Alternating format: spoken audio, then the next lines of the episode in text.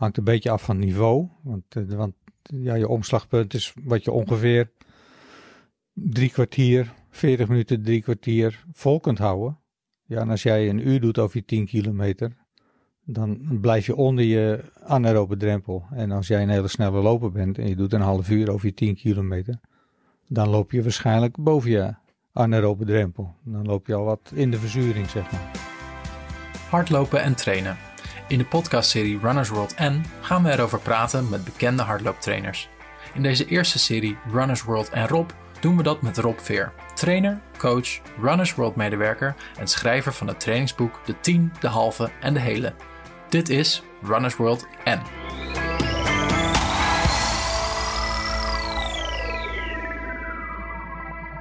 Rob, welkom. We gaan het vandaag hebben over testen en wedstrijden. Leuk. Ja, een van de eerste keren dat ik jou ontmoette, nam jij mij een uh, Zolas-test af, herinner ik me.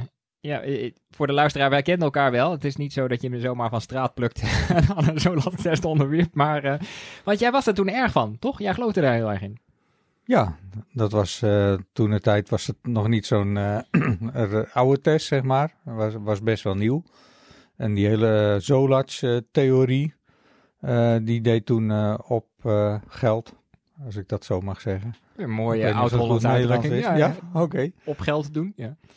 Uh, dat was populair. Uh, dat was bijvoorbeeld omdat de Poolse marathonlopers en stiepelopers deden het in die periode heel goed. En dan wordt er toch gekeken naar wat zijn die aan het doen. En die trainen dan bij uh, de Pool Zolarts, inspanningsfysioloog.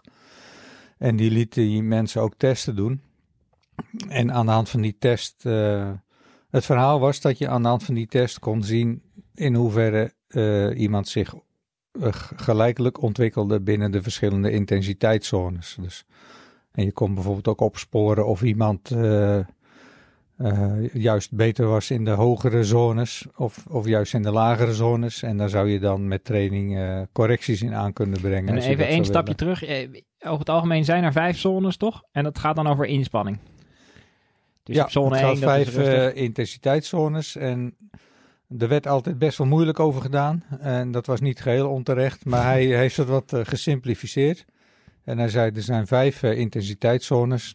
En tussen elke zone zit een hartslagverschil uh, van 10. 10 slagen per minuut.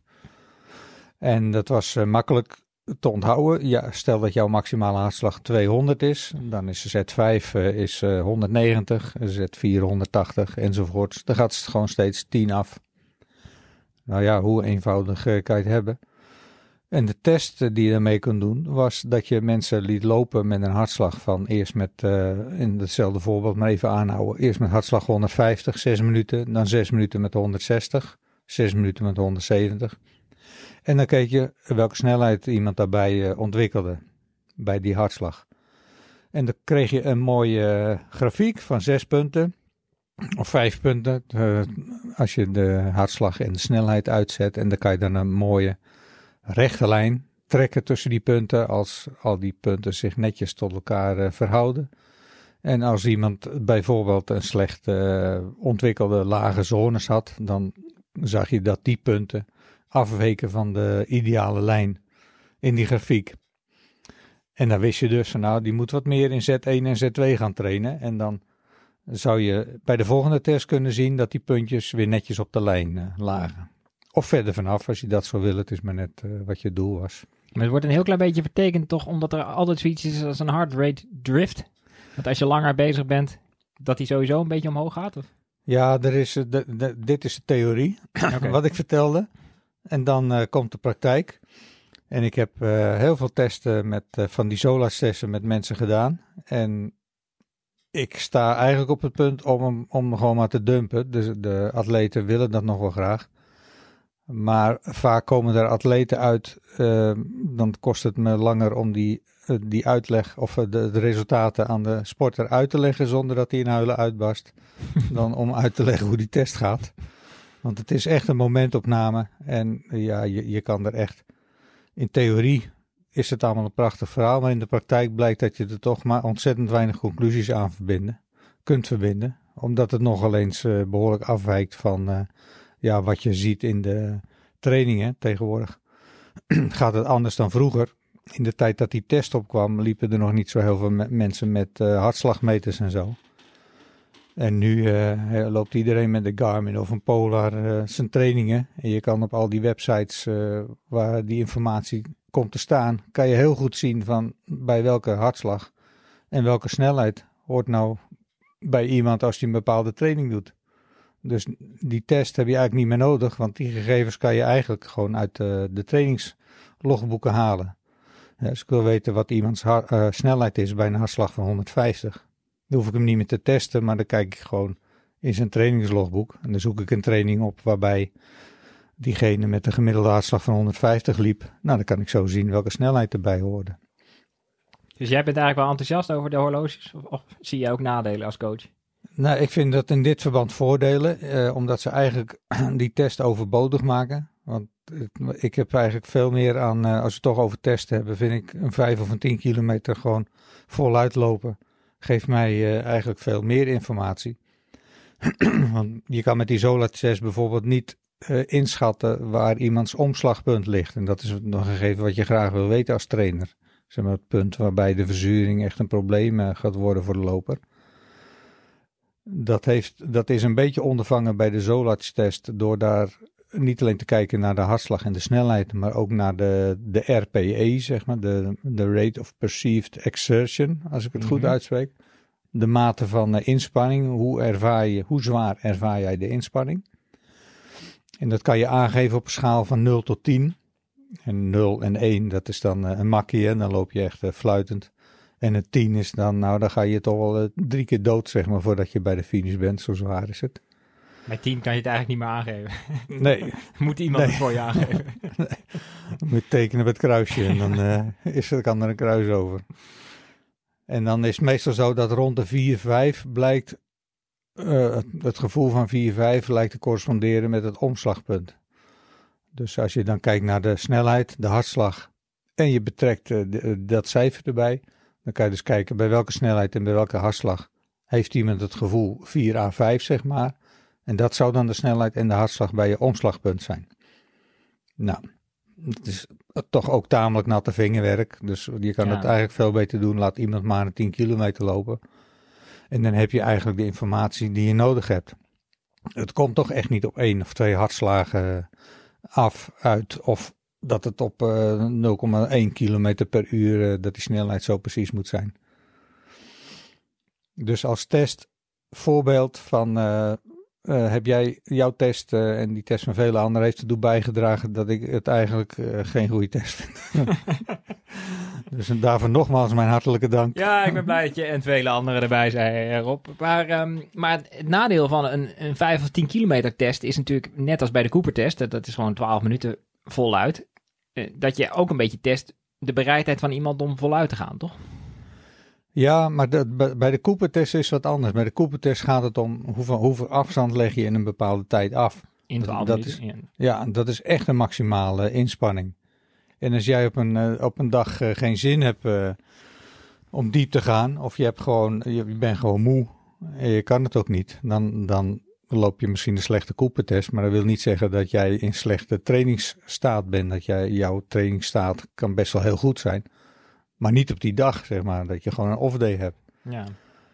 En het kan ook best zijn, kijk, je, je kan nooit beter dan jezelf presteren, maar als jij gewoon bereid bent om echt helemaal diep te gaan en tot het gaatje, dan krijg je daar een eh, mooie afstand uit die Cooper-test.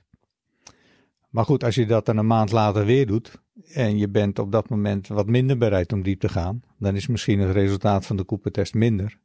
Maar dan moet niet je conclusie zijn dat je slechter bent geworden als eh, sporter.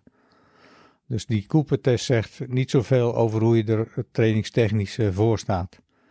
En dat is het nadeel van de, echt die maximaal testen. De, de Zolats-test is geen maximaal testen. Daar hoef je niet bij tot het gaatje. En dat geldt voor de... eh, welke hadden we nu? Nou, we hadden het net over de 5 kilometer testloop, of de 10 Oh, ja. kilometer. Dat is natuurlijk wel weer een maximaal test, toch? Of? Ja, en dat is een maximaal test. Maar je, eh, omdat het verdeeld is over de tijd, zeg maar, je, eh, hoe kan ik dat uitleggen? Het gaat erom dat je die 10 kilometer eh, zo hard mogelijk loopt en dan wel bij constant eh, snelheid behoudt. Want Oh, als, als je ja. bijvoorbeeld te hard begint, dan zie je dat ook terug in, het, in de grafiek. En dan moet je dat een beetje verdisconteren. Dat, ja, een beetje natte vingerwerk. En dan weet je ook van, nou, de, deze tijd is niet helemaal representatief. Eh, Eigenlijk weet je dat als, als diegene wat rustiger was begonnen, had hij waarschijnlijk sneller gelopen. Maar de hartslag, die komt toch wel redelijk in de buurt van eh, op het moment dat die eh, een tijdje behoorlijk vlak is. Dan weet je toch wel, nou, die zit toch wel zo'n beetje rond het omslagpunt eh, bij die 10 kilometer. Hangt een beetje af van niveau. Want, want ja, je omslagpunt is wat je ongeveer drie kwartier, 40 minuten, drie kwartier vol kunt houden. Ja, en als jij een uur doet over je 10 kilometer, dan blijf je onder je anaerobe drempel. En als jij een hele snelle loper bent en je doet een half uur over je 10 kilometer, dan loop je waarschijnlijk boven je anaerobe drempel. Dan loop je al wat in de verzuring, zeg maar. Maar goed, daar kan je goed aan. Ehm, en dan weet je één ding, dan weet je de, de snelheid en de hartslag bij eh, de aerobe drempel, dus bij het omslagpunt. Nou, als trainer ben ik ook altijd geïnteresseerd naar de aerobe drempel, dus de drempel die eronder ligt. Eh, er zijn verschillende manieren om dat te meten. Je kan met lactaat prikken bij iemand tijdens een stappentest. Kan je elke keer kijken hoe hoog is de concentratie van lactaat eh, in het bloed. Op het moment dat die in de buurt van de 2 is, 2 millimol per liter is dat geloof ik, dan eh, zit je in de buurt van de aerobe drempel. En dan heb je nog, als je dan sneller gaat lopen, dan loopt het lactaatniveau loopt ook op. Op het moment dat hij in de buurt van de 4 is, dan zit je in de buurt van de anaerobe drempel. En bij anaeroop, ik moet het even goed zeggen, gebruik je geen zuurstof, toch? Ja, je gebruikt wel zuurstof, maar het lichaam, je maakt eh, meer afvalstoffen dan je af kan breken. Oh, oké. Oh, ik stelde me altijd voor dat je gewoon echt geen zuurstof gebruikt. Dat je net zo goed onder water kan zwemmen, zeg maar. Nee, nee, want je kan, eh, als je 20 minuten eh, tempo loop doet, als je 5 kilometer loopt, dan loop je 5 kilometer boven je anaerobe drempel. Oh ja, dat zou wat lang zijn om je adem in te houden. Ja, 100 meter, dat kan je nog wel doen, zeg maar, met, eh, met zonder zuurstof. Ja. Als je je mond dicht plakt, omdat dat gebeurt, ja, hoe moet ik dat zeggen? Dat gaat met creatinefosfaat en die verbranding, daar komt helemaal geen zuurstof bij kijken, zeg maar. Dat is een, een, een proces zonder zuurstof. Eh, dat is anaeroop, dat betekent zonder zuurstof. En het is ook alactisch, maar dus ook zonder dat je de melkzuur bij opbouwt. Ehm, goed, dat zijn, dat zijn de sprinters. Mhm. Eh, dus een test is voor mij interessant als, als daaruit voortvloeit informatie over die aerobe drempel en over die anaerobe drempel. Nou, er zijn verschillende tests voor bedacht. Je hebt bijvoorbeeld eh, voor de Zolats-test had je nog iets van de Conconi-test. Ja. Dat was een, eh, dat- heb ik ook een aantal keer eh, gedaan. En ook eigenlijk tot de conclusie gekomen dat ik daar maar mee moest stoppen. Vanwege de, het gebrek aan betrouwbaarheid. En de Conconi-test was, eh, die, die kon je doen omdat de hartslagmeters toen, eh, die kon je gebruiken als trainer. Ik had één hartslagmeter en die gaf ik af en toe aan mijn atleten waar ze dan die test mee konden doen. Die hartslagmeter moest je dan met de hand uitlezen. Je had niet een modem of zo dat het allemaal op de computer kwam. Dus je moest het beeldschermpje getal voor getal uitlezen. Dan moest je het met de hand in een grafiek zetten en dan kreeg je een mooie grafiek. En daar kon je dan weer dingen uit concluderen. En bij de Conconi-test was het resultaat altijd een mooie rechte lijn tussen de hartslag en de snelheid. Je begon met een heel laag tempo. Je keek wat de hartslag was. Dan ging je 200 meter ging je ietsje versnellen. Ging de hartslag ook omhoog. Na 200 meter ging je weer iets sneller. Ging de hartslag ook weer iets omhoog. Nou, dat gaat zo. Een lange tijd blijft dat hartslag en snelheid met elkaar in de pas lopen. En er komt een moment dat je wel sneller gaat, maar dat je hartslag eigenlijk niet meer zoveel toeneemt als eh, daarvoor. Dus dan, je krijgt een soort knik in de grafiek. En die knik, die zou dan eh, precies bij de anaerobe drempel liggen, bij eh 4 millimol is dat dan. In theorie ook prachtig. En in theorie zie je ook een prachtige grafiek erbij. Dat je echt een rechte lijn ziet die opeens afbuigt. En dat je echt kan zeggen, daar. Maar je moet wel behoorlijk hard lopen voor die testen. Nou ja, tot, tot je omslagpunt. Dus het is zeg maar tot, tot uh, je, noem het maar je 10 kilometer tempo. Dan zit je op het punt waarop die afbuigt. Maar om echt dat als een punt te herkennen dat hij afbuigt, moet je nog wel meer punten hebben. Dus je moet dan wel even doorlopen. Maar je hoeft niet helemaal uh, tot het gaatje te gaan. Oké. Okay. Want die buiging is op een gegeven moment wel duidelijk. Nou, ik heb dat ook heel vaak gedaan. En je krijgt een prachtige grafiek uit. En, en zelden krijg je zo'n mooie grafiek als in het eh, plaatje van de theorie. die rechte lijn, dat laat vaak nog wel te wensen over. Dat is een beetje een slingerend uh, ding. En, op een, ja, en dan, je ziet ook inderdaad wel dat hij uiteindelijk uh, naar horizontaal afbuigt. Maar waar het dan precies begint, dat is ook zo'n breed gebied. Dan kan je net zo goed bij 12 km per uur als bij 13 km per uur zeggen. Dus dat is ook weer niet precies uh, te doen. En dan uh, heb je ook weer zoiets, ja, wat levert zo'n test nou op? Dan kan je het niet gewoon aan een atleet vragen. Dat je zegt van, nou, bij, welke snelheid heb je nou het gevoel dat, de verzuring begint? En nou, ervaren atleten, die kunnen dat wel precies uh, vertellen. Waarschijnlijk nauwkeuriger dan bij zo'n test. Ik wil toch ook nog even naar de bekendste test, denk ik, waar vooral mijn kinderen het altijd over hebben, de shuttle run. Oh. Is dat iets wat, wat atleten überhaupt doen? Of, ik zie daar vooral het blessuregevaar als ik uh, heel hard uh, ga strekken naar een pionnetje. Maar... Ja, ja, de shuttle run is, is niet uh, specifiek, zeg maar, voor... je, je kan daar... Een hele goede handballer mee worden. Ja, je, ja, en je kan kijken of iemand beter wordt op de shuttle run, zeg maar, als je het vaak doet. Ja. Maar wat, hoe je dat dan vertaalt naar hardloopprestaties... Het is vrij kort. Uh, je loopt tussen twee pionnen heen en weer. Voor de mensen die de shuttle run niet kennen. En dat gaat dan steeds sneller. Op, op, je krijgt een piepjes te horen, geloof ik. En je moet Ja. bij elk piepje moet je zorgen dat je bij de pion bent, omdraaien en dan weer op tijd bij de volgende pion komen. Die piepjes gaan steeds sneller. Die moet ook steeds harder lopen. En op een gegeven moment kan je het niet meer bijhouden. En dat moment dat je, dat je het niet meer haalt, zeg maar, dat is dan jouw resultaat bij de shuttle run. Ja, en als je dat de volgende keer eh, twee piepjes langer volhoudt, ja, wat is dan je conclusie? Ja, maar ja, maar misschien, eh, dat is zelfs bij de Cooper-test, misschien had iemand eh, gewoon een goede vorm die dag. Ja. Of is die ook echt beter geworden, dat kan ook. Maar echt specifiek voor het hardlopen is dat niet, eh, geen waardevolle test. Oké, en dan hebben we nog wel de VO2 max test. Die mensen gewoon bij een sportkeuring laten doen, bijvoorbeeld. Ja, en tegenwoordig heb je ook eh, sporthorloges die zeggen wat je VO2 max is. Ja, Dat dat, is de een- mijne ook, ja. Ja, Kan ik daar veel waarde aan hechten? nee, Oh, zou ik niet doen. dat is een hele onnuchterende podcast dit. eh. Ja, dat wordt, eh, dat- kijk, als trainer zit je daar een beetje anders in als in een atleet. Als, als in een atleet. Als, als een atleet in de sporthorloge.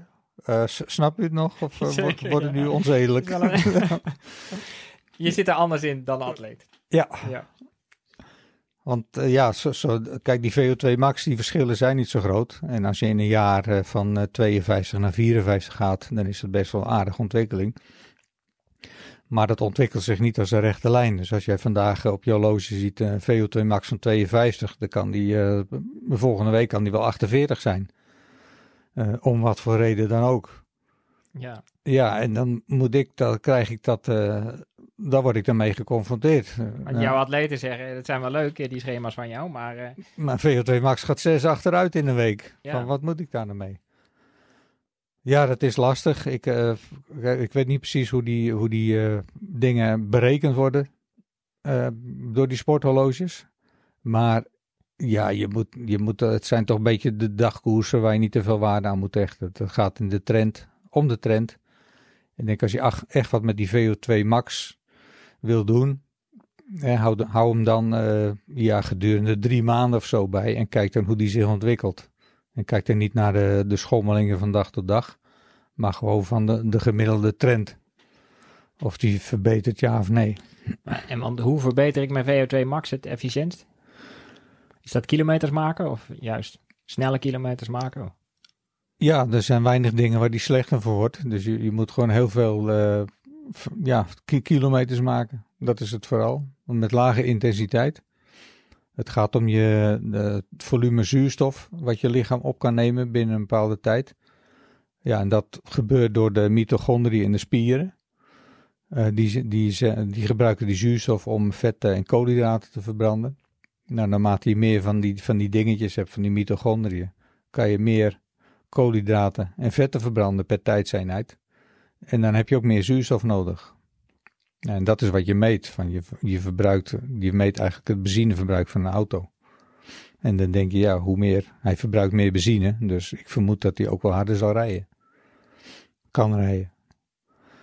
En het voordeel van zo'n VO2 max test is dat je dat uh, kan bepalen. Je kan dat, de VO2 max eigenlijk alleen maar goed bepalen met de ademgasanalyse. Dus niet met zo'n uh, hartslagmeter. Of er zijn ook wel formules waar je mee uit zou kunnen rekenen. Hè. Dan stop je daar je 10 kilometer tijd in. En dan abracadabra en ploep. Dan komt daar je VO2 max waarde uit.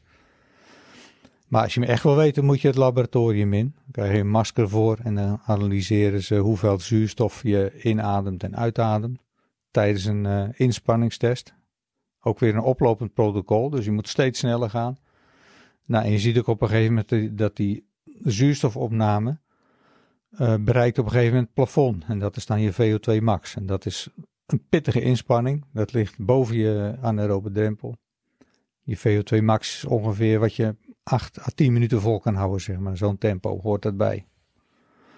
Het is niet je maximale snelheid, want je kan nog wel sneller lopen dan de snelheid die bij je VO2 max hoort. Maar dan bouw je de, ja, kom je zuurstoftekort op en dan kom je in het anaerobe, het verzurende deel van de inspanning. Het voordeel van zo'n VO2 max test, als je dan toch met die ademgasanalyse bezig bent, kunnen ze ook je, je anaerobe en je aerobe drempel bepalen. En dat is een vrij nauwkeurige meting daarvoor. En, en, daar kan je als trainer kan je wel weer wat mee. Nou, ik ben blij dat we dit onderdeel over testen toch een beetje optimistisch afsluiten. Ja, ja. Er is iets dat werkt. Ja, ja de beste test is een beetje cliché. De, de beste test is nog gewoon de wedstrijd zelf. Want het blijft, hoe je het ook went of keert en wat je ook doet, eh, een test is gewoon altijd een uh, momentopname. Het laat zien hoe jij op dat moment, op die dag, op die plek, onder die omstandigheden, die prestatie kan leveren.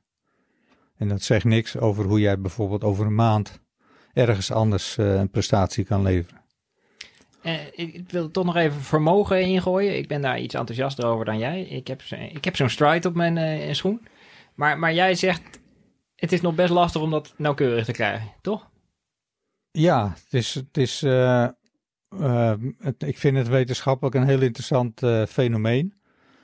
Um, omdat je het anders is dan bij fietsen. Bij fietsen kan je metertjes uh, in de krenk zetten bijvoorbeeld. En dan kan je gewoon direct meten hoe groot de kracht is die iemand uitoefent. En het vermogen, is, het vermogen wat je uitoefent is direct gekoppeld aan kracht. Maar bij hardlopen kan dat niet. Je kan, je kan niet die kracht die jij gebruikt bij het uh, hardlopen, kan je niet direct meten. Je zou iets in je scheenbeen moeten inbouwen of zo. En dan is nog maar de vraag of het daarmee kan. Dus je moet het vermogen moet je bepalen aan de hand van een, eigenlijk een hele uitgebreide lijst uh, factoren. Zoals Want dat hangt van heel veel factoren af. De wind. Je gewicht, je snelheid. Um, de wind speelt er een rol bij. De ondergrond. Want je kan niet als je alleen naar de snelheid kijkt, dan zou je kunnen zeggen: ja, jij, loopt heel langzaam, dus je verbruikt heel weinig vermogen. Maar misschien loop je wel door een ruitenpad met uh, rul zand, of misschien loop je wel een berg op. Dus daar moet je allemaal rekening houden. Dan, dan moet je uh, omrekenen. Zeg maar, al die factoren moet je omrekenen tot er een waarde uitrolt. En de vraag is natuurlijk: hoe nauwkeurig ga je al die factoren meten? Want de nauwkeurigheid van het eindresultaat, het vermogen, wordt bepaald door de nauwkeurigheid waarmee je al die losse onderdelen kan meten. Bijvoorbeeld je gewicht. Uh, hoe nauwkeurig kan je je gewicht bepalen waarmee je op dat moment loopt? je, bent, je, je moet daar een getal voor invoeren in je strijd, neem ik aan. Ja, en dan neem je meestal je gewicht schoon de haak. Uh, maar als je hard loopt, dan heb je ook wel weer kleren aan en schoenen. En er is natuurlijk ook nog de kwestie of je niet na twee uur duurlopen lichter bent. Ja, dat ben je. Dat ben je. Uh, want je drinkt uh, onderweg. Er komt wat bij. waar je plast en je zweet ook onderweg. Uh, misschien neem je een rugzak mee. Dat zou je dan ook moeten uh, ja. opgeven voordat je aan die training begint. Maar het is vooral de hoeveelheid factoren. Dat als, als er een onzekerheid in één factor zit, dan wordt die vermenigvuldigd. Zeg maar. Dus als je zeven onzekerheden hebt, dan heb je niet zo heel veel zekerheid meer over. Nou, je aan het eindresultaat niet zo heel veel zekerheid meer over. Ja. ja. Dan heb je dan, dan het eindresultaat zitten dan zeg maar zeven onnauwkeurigheden ingebakken. Maar als we dat wegnemen, als, als je zeg maar een hele goede vermogensmeter zou kunnen bouwen die aan jouw technische eisen voldoet, eh, komt er dan een waarde uit waar je iets aan hebt? Ik denk, dat het, ik denk niet dat het dan zozeer een, uh, een verrijking is op, op de middelen die we nu tot onze beschikking hebben. Hè. Je kan de snelheid meten met je GPS, je kan uh, je hartslag meten. En ik hecht ook heel veel waarde aan het gevoel. Dat zou je ook bij de vermogensmeter er altijd bij moeten betrekken. Uh, ook omdat het een stukje techniek is. Je kan als je halverwege je loop de batterij leeg is van je apparaat bijvoorbeeld, dan moet je toch terug kunnen vallen op je gevoel. Als je wil weten van hoe hard uh, of met welk tempo kan ik nu verder, met welke intensiteit. Misschien dat het uh, op een gegeven moment dat mensen kunnen kiezen van nou ik, ik vind het prettiger om op vermogen te lopen dan op hartslag of op snelheid. Maar ik denk als je hartslag, snelheid en gevoel, als je die gebruikt, dat dan vermogen nou, heeft voor mij geen duidelijke toegevoegde waarde. Oké. Eh, dan uh, wil ik naar het tweede deel van deze podcast, namelijk de wedstrijden. Aha. Daar valt vast ook van alles over te zeggen. Hoe, ja. hoe bereid jij iemand voor op een wedstrijd? Doe je dat, ga je echt specifiek op die wedstrijd in? Of is het meer een algemeen praatje? Zo van, doe de dag van tevoren niet zoveel meer. Nou, dan moet ik even heel goed terugdenken, want het is lang geleden dat we met wedstrijden Weet je nog, voor te maken hadden. Ja, toen de tijd dat je met allemaal mensen dicht op elkaar in een startvak uh, zat en dat je nog gewoon uh, kon hoesten zonder dat je leger ja, werd. Ja,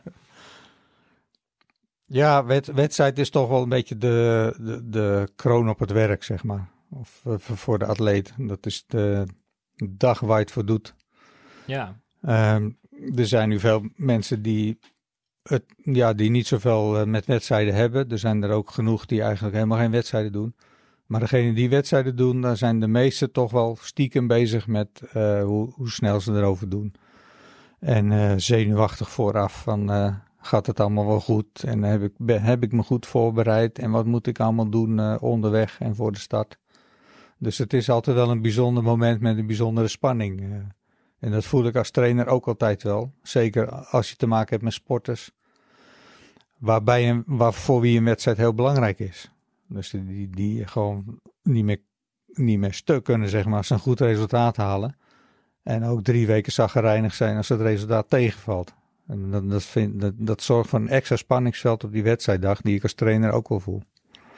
Maar wat doe je om, om de zenuwpezen onder ons, waar ik mijzelf ook toe reken, eh, een beetje gerust te stellen?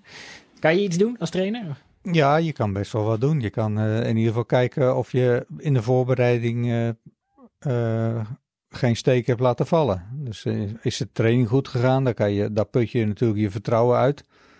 Als je de laatste drie weken traint als een krant ja, en je moet aan een wedstrijd doen, dan kan ik me voorstellen dat je, dat je daar uh, extra nerveus voor bent, of in ieder geval bang voor bent dat het misgaat.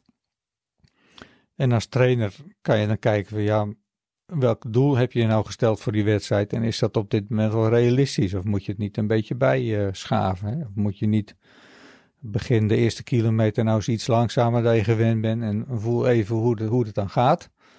En als het dan lekker gaat, zet er een tandje bij. En als je denkt van nou, het was inderdaad uh, niet mijn periode, hè, loop dan gewoon die wedstrijd lekker uit en dan kijk je weer vooruit, uh, voorbij die wedstrijd. En uh, ja, vaak als wedstrijden langer zijn, moet je ook kijken van nou heeft een atleet zijn de voeding en de drankvoorzieningen op orde onderweg. Uh, dat is, ik heb gemerkt dat, dat er toch wel heel veel aandacht besteedt, omdat heel veel atleten wel weten hoe het moet. Maar als je dan vraagt in de praktijk hoe doe je dat dan, dat er dan toch vaak wel een stuk uh, opportunisme in zit. Van ja, dat dan hopen ze toch maar dat ze, uh, dat ze tegenkomen en dat het een drankpost is. En zich uh, ja, toch niet zo bezig zijn met, uh, als, als het jou een hele belangrijke wedstrijd is, dan moet je het zo organiseren dat je van niks en niemand afhankelijk bent, maar dat je gewoon zelf in de hand hebt. Dus je kan vertrouwen op de drankposten. Hè, sommige hele goede atleten die kunnen zelfs bidons afgeven, zodat ze dat uh, op de drankposten terugvinden. Nou, het gebeurt wel eens dat, dat jouw bidon daar gewoon niet staat, omdat de organisatie fout heeft gemaakt, omdat er iemand voor jou langs die tafel is gelopen die dacht, hé, hey, dat ziet er lekker uit. die neemt jouw bidon mee. Veel beter dan de mijne, ja. Of die stoot hem per ongeluk om, of zo'n vrijwilliger zet hem op een andere tafel. Weet je wel, dan moet je toch. En als jij, dan kan je twee dingen doen. Dan kan je hopen dat het goed gaat. Maar je kan ook bijvoorbeeld zeggen, ik zet 100 meter na zo'n drankpost, zet ik uh, tante Bed neer. Die heeft die dag toch niks te doen met de bidon. En als ik een bidon naar mis, dan geef ik een seintje aan tante Bet van uh, ik wil mijn bidon. En dan krijg ik van tante Bet mijn bidon. En dan heb je toch wat meer zelf in de hand. En dat zijn ook dingen die je, gewoon, die je zekerheid geven. Die je wat minder zenuwachtig maken. Want dan weet je, nou mijn drank heb ik gewoon goed geregeld. Die bidons, ik heb elke vijf kilometer ligt er een bidon voor me klaar. Wat er ook gebeurt, die, die krijg ik.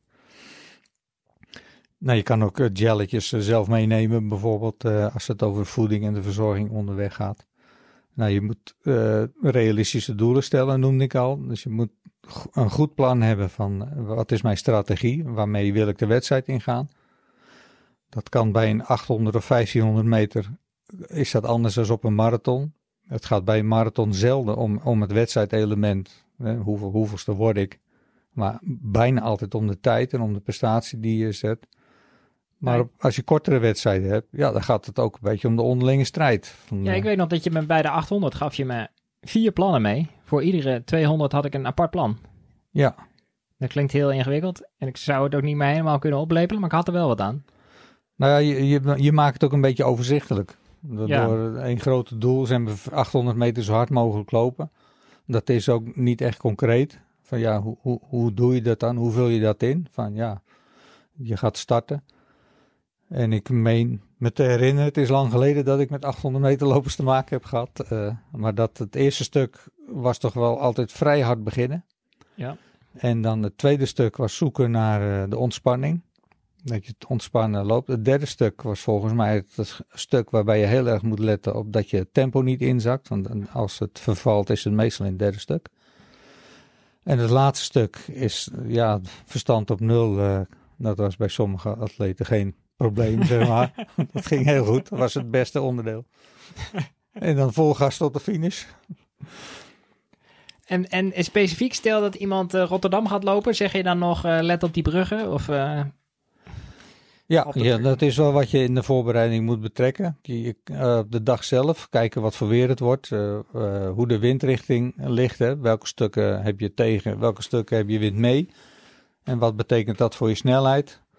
Als jij uh, een marathon wil lopen met een tempo van 5 minuten per kilometer, dat wil niet zeggen dat je elke kilometer in 5 minuten moet lopen, maar dat is je gemiddelde snelheid.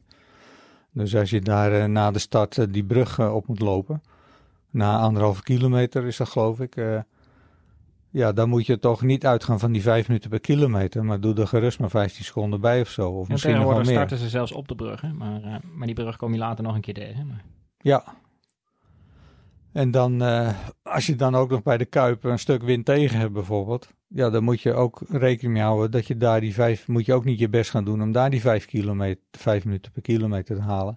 Want dat kost je naar verhouding veel te veel energie en dat breek je op aan het eind. Dus je kan veel beter op de stukken die omhoog gaan of waar je tegenwind hebt, wat rustiger lopen. En dan kijken van op welke stukken kan ik dan een klein beetje sneller lopen dan die vijf minuten per kilometer gemiddeld zonder dat het me meer energie kost. Dat zijn dan de stukken waarbij je de brug afloopt en waarbij je wind mee hebt, of misschien waarbij het wind stil is. Je kan kijken van maak uit tegen de wind, uh, zoek een groepje op als het even kan. Een paar uh, mensen met brede ruggen. Als je daarachter kan verschuilen, dat scheelt heel veel.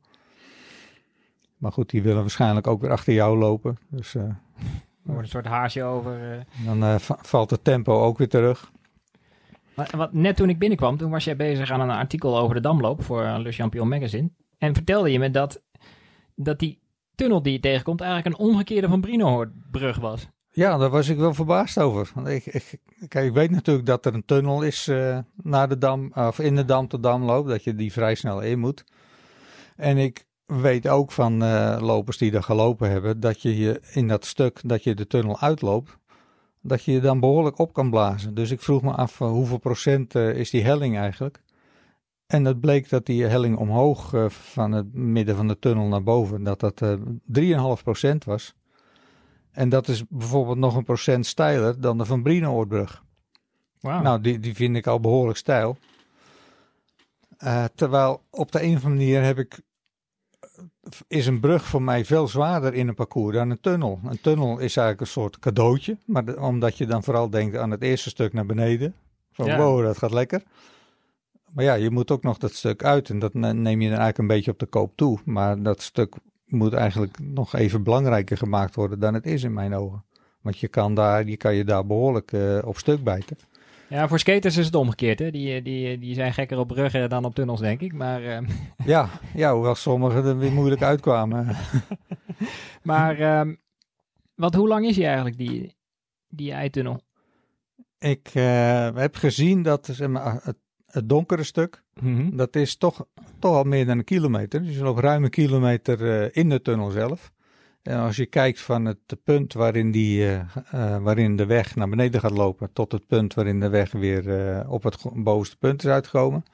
En dat is dan ruim anderhalve kilometer.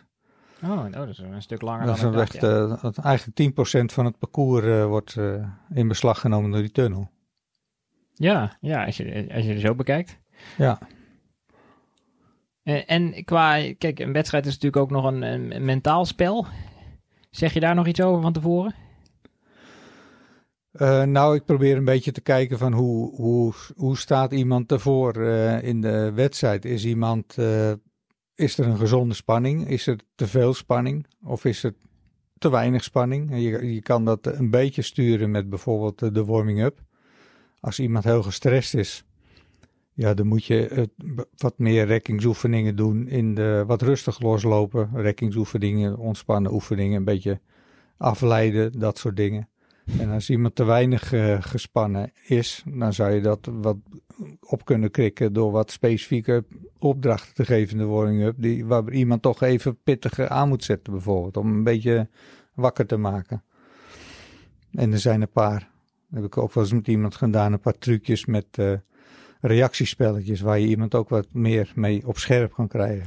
Ja, dat zie ik bij Formule 1 coureurs ook wel. Dat ze van tevoren zo'n balletje moeten vangen en zo.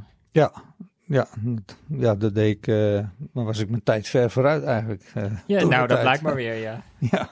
Maar, en tijdens de race kan je dan nog iets doen? Stel dat je mee fietst. Nou, in principe vind ik eh, tussen de start en de finish is voor de atleet, zeg maar. Dan, eh, ongetwijfeld loopt hij tegen dingen aan, eh, figuurlijk dan. En ik vind ook dat een atleet dat zoveel mogelijk zelf moet oplossen. Om, de atleet moet niet met- bij elke, zeg maar, elke onverwachte ding van scenario's die me bijvoorbeeld de eerste kilometer vijf minuten te langzaam doorkomt, dan het, langzamer dan het plan in ieder geval. Dan vind ik niet dat hij dan meteen naar de coach moet kijken op de fiets van eh, en nu, eh, wat moet ik nu doen? Zeg maar, dan, eh, dan, dat is iets wat, je, wat hij zelf op moet lossen, vind ik. En we kunnen altijd na de race naar kijken van hoe heb je dat gedaan? Wat, hoe voelde je op dat moment? Was het paniek of was het in control? En hoe kwam het dat je vijf minuten te snel ging of te langzaam daar? Dus ik, ik hou me over het algemeen gedijst eh, tijdens een wedstrijd. Ik geloof ook niet zo eh, in, in schreeuwen en brullen en aanmoedigen. Dat ik eh, op een cursus heb ik eens gehoord van een docent die zei: Ja, als je, als je wil dat jouw atleet wint, moet je de tegenstander aanmoedigen. En het idee daarachter was, was dat je met die aanmoedigingen haal je ook een atleet uit de concentratie, zeg maar. Op het moment dat hij op de aanmoedigingen gaat letten, let hij niet meer op de taak eh, waar hij de wedstrijd mee is ingegaan. Oh, wow. Dus als jij veel contact maakt met een atleet, dat betekent ook dat je hem uit zijn concentratie haalt. En de vraag is, is dat het waard? En, en vaak denk ik, dat, dat is het niet waard. Nee, dat kan ik me voorstellen. Hoewel ik er wel van hou als ik een beetje aangemoedigd word. Maar je, je kan er ook recalcitrant van worden als atleet natuurlijk. Ja, Nou, dat, dat- klinkt alsof je daar ervaring mee hebt. recalcitrantie. Zeker. Nou, dan eh, zit het er volgens mij eh, weer op deze week. Dan eh, gaan we het volgende week hebben over leeftijden. Oh. En over het mentale aspect, waar we nu al een beetje op in zijn gegaan. En dan dank ik jou weer heel hartelijk. Nou, graag gedaan. Het was me weer een waar genoegen.